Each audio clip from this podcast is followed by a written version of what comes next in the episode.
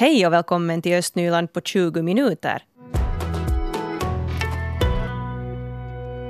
Visste ni att sedan den 1 maj så ska restauranger ange köttets ursprungsland skriftligt? Till exempel då genom att skriva in i menyn varifrån köttet kommer eller sätta upp en lapp på väggen. Och fem av nio Borgorestauranger som vi här på Yle Östnyland har besökt så bryter mot den här förordningen. Åtminstone på restaurang eh, Frysarnstrand i Gamla stan så följer man ändå de nya reglerna. Och där har man satt upp en lapp på väggen där det står vilka länder köttet kommer ifrån. Enligt krögare Teemu Laakko så skulle man nog inte ha satt upp den här lappen om det inte skulle ha varit obligatoriskt. Inte vet jag varför ska man sätta dem dit. Ingen är intresserad av det egentligen men nu för tiden är det, har det blivit lite annorlunda så att så då måste de vara på väggen så då, då sätter vi dem dit också. Har kunder någonsin frågat om de här ursprungsländerna? De är mer och mer hela tiden. Alltså nu, nu för tiden frågar de ganska ofta att varifrån kommer de här. Att de, det, det är nog viktigt att det är så, så mycket finsk som det är bara möjligt. Eller inhemskt. Det sa krögare Teemu Laakko från Frysarns strand där man följer den nya förordningen. Men på fem av de nio restaurangerna som jag besökte i centrum av Borgo så fanns det varken lappar på väggen eller någonting skrivet i menyn om vilket land köttet kom ifrån. Flera restaurangägare, särskilt på mindre restauranger, sa att de inte ens hade hört om någon sån ny regel. På livsmedelstillsynen i Borgo känner man till det här. Kun tämä kerran perustuu tämmöiseen kansalliseen asetukseen, niin kyllä, kyllä ruokavirasto voisi vähän enemmän tiedottaa alaa ja tietysti alan, alan keskusjärjestöt. Stadsveterinären och hygienikern Seija Heikkinen anser att Livsmedelsverket skulle kunna informera bättre om de nya bestämmelserna. Eftersom det ännu är flera som inte har hört om de nya reglerna så kommer livsmedelstillsynen inte att ta till med hårdhandskarna.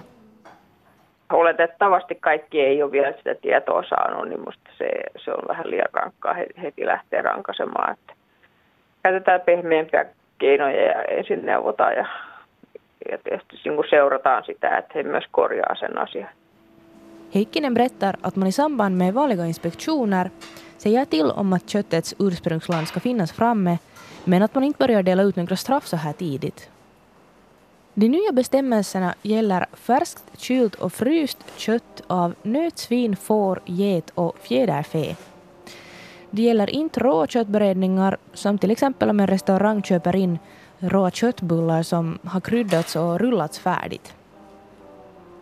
Meningen är att det ska vara möjligt för restaurangbesökare att göra ett informerat val utan att skilt behöva fråga om var köttet kommer ifrån. Men flera restaurangägare säger att köttets ursprungsland kvittar för största delen av kunderna. Utanför en asiatisk restaurang i centrala Borgo så möter vi Kia och Eetu Taponen. De ska strax gå in och beställa lunch. Varken Kia eller Eetu bryr sig särskilt mycket om köttets ursprung men det är bra om köttet är finskt. No siis kyllä se on sille kiva tietää, mutta ei sillä mulle ole ainakaan väliä, että mistä maasta se on. No, se, no mullekin on ihan sama, että ei siinä ole niin paljon väliä mistä maasta se on, mutta kyllä se saattaisi olla parempaa, jos se olisi Suomesta. Och det sa här Kia och Eetu Taponen. Och det var Miro Bäck som var reporter.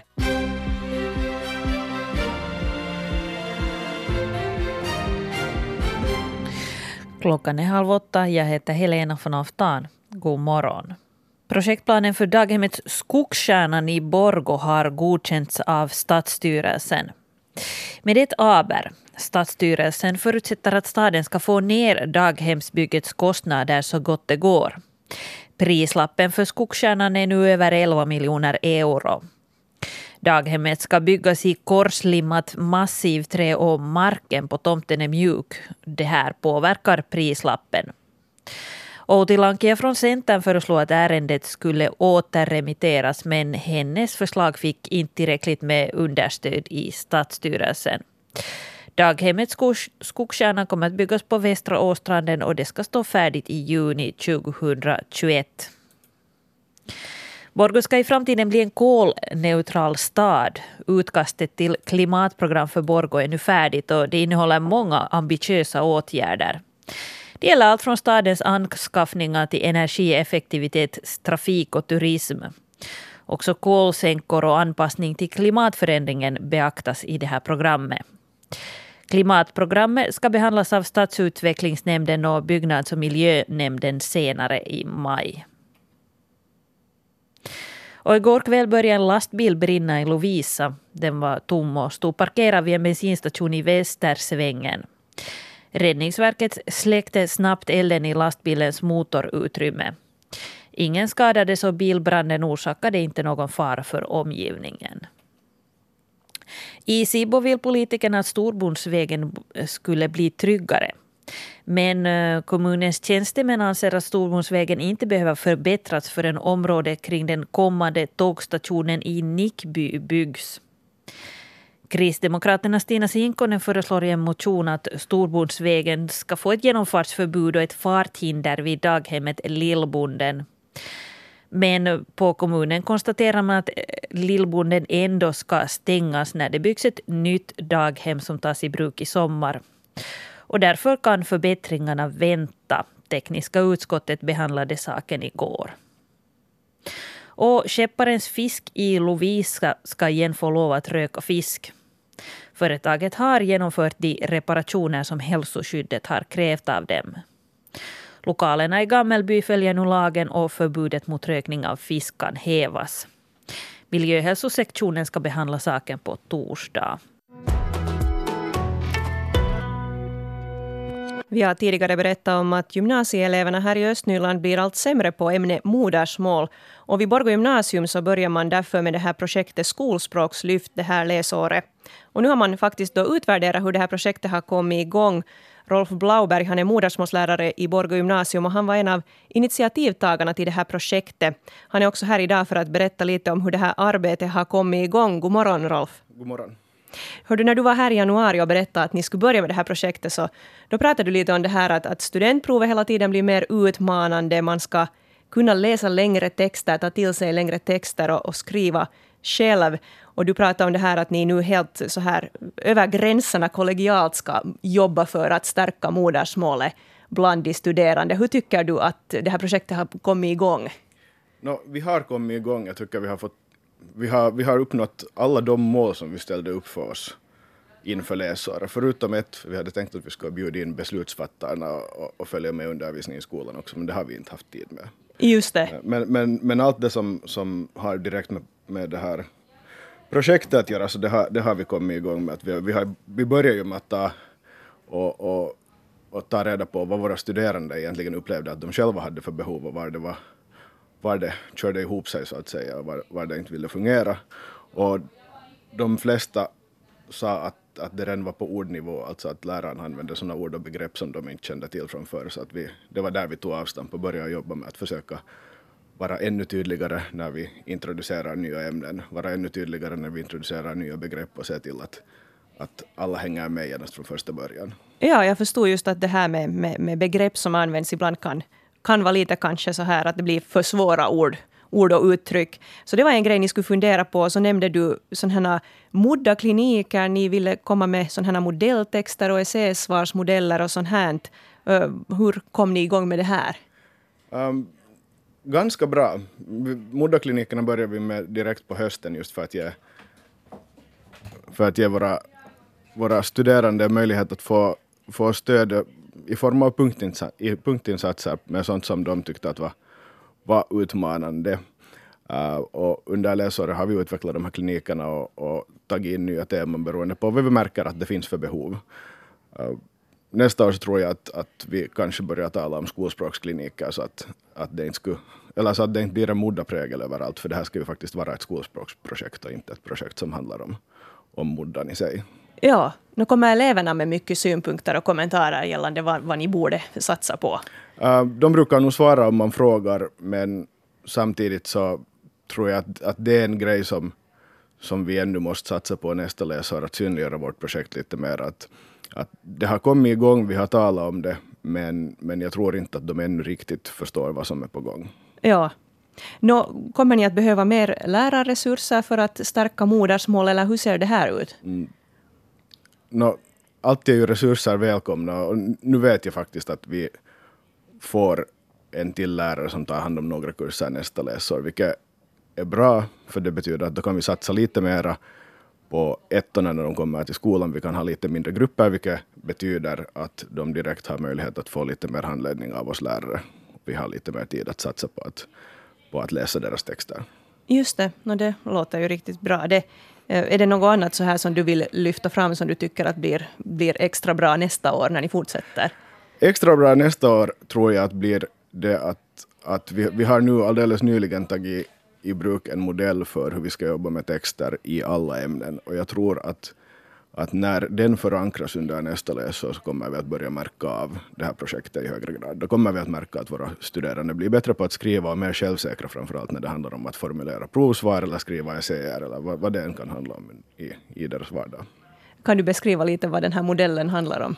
Uh, no, den handlar egentligen om, den är tudelad. Det finns en, en, en del som handlar om hur man bryter ner en uppgift så att man förstår vad man ska skriva i, i sitt svar. Och sen finns det en del som handlar om hur man strukturerar ett svar. Börjande från, från inledning och sen, sen hur en avhandling ska se ut och hur avslutningen ska se ut. Så att i princip hur, hur man skapar en text som känns som en helhet. För det här är någonting som våra studerande har svårt med. Uh, inte beroende på att de inte skulle ha fått höra om det i grundskolan, utan beroende på att de här texterna som de ska skriva på gymnasiet är så mycket mer komplicerade att, att det kanske inte går att sätta sig ner och bara börja skriva, vilket antagligen för många har lyckats ändå, trots att de har tänkt igenom vad de tänker skriva i grundskolan. Vi har modersmålslärare Rolf Blauberg här i studion. Han är lärare vid Borgå gymnasium, där man nu har jobbat med ett sånt här projekt som heter Skolspråkslyft det här läsåret. Det handlar om att man vill stärka de studerandes kunskaper i modersmål och hjälpa dem att bli bättre på det här med att både läsa längre texter och ta till sig de här texterna och sen kunna producera innehåll själva. Inte alltid så enkelt. Och det här blir ju allt viktigare med modersmål hela tiden i och med att också den här antagningsreformen nu innebär att studentbetyget får allt större tyngd när man söker vidare till andra skolor. Så det är viktigt både med tanke på fortsatta studier och förstås då förutsättningar längre fram i, i livet på andra områden. God morgon, Rolf. God morgon. Ni gjorde ett sånt här studiebesök till Nykarleby här nyligen och, och kollade lite hur man där jobbar med modersmålet. Vad, vad lärde ni er på, på det här besöket? Vi lärde oss massor, måste jag säga. Det är alltså så att, att i, vid Topelius gymnasiet i i Nykarleby har de jobbat med ett projekt som heter Kodknäckaren och de har hållit på med det i sex år och, och är experter på att jobba språkstärkande. Så det var orsaken till att vi åkte dit. Uh, vi visste också att de har tänkt i liknande banor som vi och att de kanske har tampats med en lite liknande problematik som vi då när de började för några år sedan. Och ja, vad ska jag säga om det? Um, det som jag tycker att var viktigast med, med besöket var att, att dels fick vi en bekräftelse för att, att vi har tänkt rätt med det vi har gjort hittills. Och så fick vi nya idéer, lite infallsvinklar som vi kan ta i beaktande när vi jobbar vidare. Ja. Upplever du att det skiljer sig mycket hur man inom lärarkåren där jobbar med modersmålet jämfört med till exempel då Boggy? Ja, de har, jag tror att de har en större medvetenhet kring hur de jobbar med, med skolspråket i och med att de har, i och med att de har hållit på med det i, i många år. Och, och åtminstone enligt rektorn där så har det haft, haft en positiv inverkan med tanke på, på, på deras studentskrivningsresultat också. Och så menar han också att, att de alla har en, alltså det de gör är det som jag talade om för en stund sedan, det vill säga att de har en, en gemensam modell för hur de bygger upp texter till exempel. Och enligt rektorn har det lett till att uh, de inte har studerande som är skräckslagna och stressade när de ska in i skrivningssalen till exempel, vilket vi kan se ibland hos oss, att, ja. att folk är jättenervösa. Så att, att det bidrar med en större trygghet och det tycker jag låter jättebra. Och så sa han också att deras studentexamensresultat har, har blivit bättre och bättre och blir, blir bättre hela tiden. Att han hittar ingen annan förklaring än det att de kollegialt har jobbat med skolspråket. Ja. Uh, och, och, jag tror att det där, den där medvetenheten och systematiken som kanske är den största skillnaden till hur vi jobbar hos oss. Och det är kanske naturligt för det här har inte det här problemet har aktualiserats alldeles mm. nyss. Eller ja, det är en problematik som har funnits länge men det att, att insikten att nu måste vi göra något åt saken så ja. är kanske lite färskare. Nu har ni ju först kommit igång med det här projektet det här läsåret och det fortsätter som sagt, men Hur ser du på vårens resultat i, i modersmål i, i studentexamen här i, i Bogi jämfört med tidigare år? No, de var nog helt okej okay, skulle jag säga. Att, att, att, att i, de var ganska i linje med det vi brukar få. Uh, fortfarande känner vi en viss oro för, för de här som, hur ska vi säga, uh, vi har fortfarande väldigt många av de här lägre vitsorden och, och, och, en hel del av de bättre vitsorden, men, vi, men inte så hemskt mycket av de här medelmått, medelmåttiga vitsorden. Är de, de som vi kanske skulle vilja ha mer av, vi skulle vilja flytta de som är, är på de två lägre vitsordsstegen mm. till C eller M gärna. No, jag såg här i, i, statistiken att ni har haft ungefär fem som blev helt underkända i, i den här studentexamen i modersmål här under tidigare år. Hur, hur såg det ut nu? No, jag måste säga att, att jag tror att det är någon färre i år. Men, men jag, jag vågar inte uttala mig. Jag skulle kanske helst inte göra det heller eftersom att de slutliga resultaten kommer först imorgon. Så. Precis, ja. Men, det är riktigt här aktuellt nu med de slutliga. Det, det är inte nej, men att, att alltid finns det ju någon som, som har oturen. Att, ja. Att inte. Nu, hur känns det för dig att jobba med det här ämnet? Du, jag menar, du, du är ju passionerad och du tycker att modersmål är det viktigaste som finns. Får du liksom mera energi av det här att, att det det finns saker att jobba med eller blir man så här nedslagen och tänker att hjälpa, att vart är mitt ämne på väg nu? Jag blir nog inte nedslagen av att jobba med sånt här. Det, jag tycker det känns meningsfullt för det, det och, och, just i och med att det ska vara att det är ett kollegialt projekt och att vi jobbar med uttryckligen med skolspråk och inte med modersmål så tycker jag att det Ja, då, då, känns det faktiskt meningsfullt för det känns som att jag, vi jobbar för att utveckla skolan samtidigt och, och, och för att vi alla ska bli bättre på det vi sysslar med. Eller åtminstone hitta nya in, infallsvinklar. Exakt. Um, ja. ja. Och, och jobbet fortsätter här som sagt kommande läsår. Vad, vad hoppas du på sikt att det här ska ge? På sikt hoppas jag att, att vi ska nå en situation där, där vi kan hjälpa våra studerande bli säkra skribenter. Um, drömmen för egen del skulle vara att vi på samma sätt som de har i Topelius gymnasiet skulle ha uh, studerande som hör av sig när de väl är inne i studielivet och, och, och studerar på universitet och meddelar att hej, att vi har haft jättestor nytta av, av hur ni har jobbat med texter, att, att vi har inte haft alls lika svårt att formulera texter här som många av våra kompisar. För det sa de faktiskt, att de, sån respons får de där i Nykarleby. Just det. Och vi ska hoppas den responsen når er också. Tack ska du ha, Rolf Blauberg, för att du var här. Tack. Det har varit en sån här tävling igen som Rock'n'Roll har ordnat som heter Återvinningsexperterna.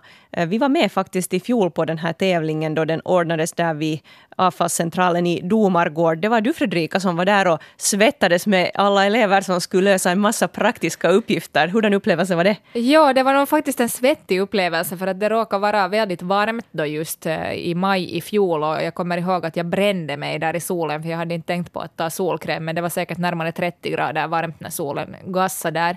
Och, det där, eleverna fick svettas av den orsaken och sen också när de löste de här kluriga uppgifterna.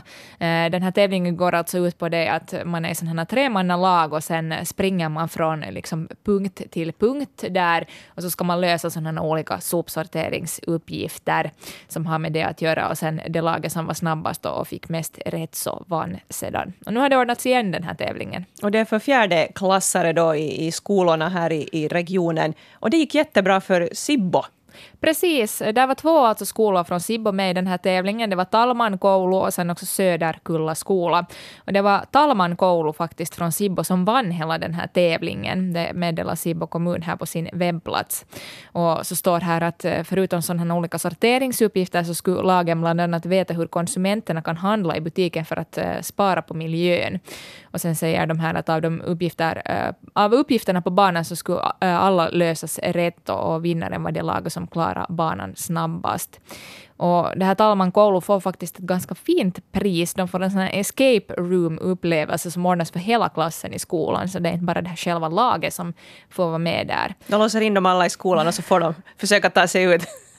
ja, no, jag vet inte riktigt hur det funkar, men det här escape room är ju sådär att man ska typ lösa ett mysterium ja. för att hitta ut. Jag har varit två gånger på det, det är jätteroligt. Ja, så att jag kan tänka mig att eleverna tycker att det här är riktigt trevligt. Eh, sen alla som var med fick också lite tröstepris. Eh, man fick nyckelhalsband, reflexer och dricksflaskor där. Östnyland på 20 minuter är en svenska YLE-podcast. Det finns flera poddar på arenan. Jag heter Katarina Lind. Tack så mycket för sällskapet. Vi hörs!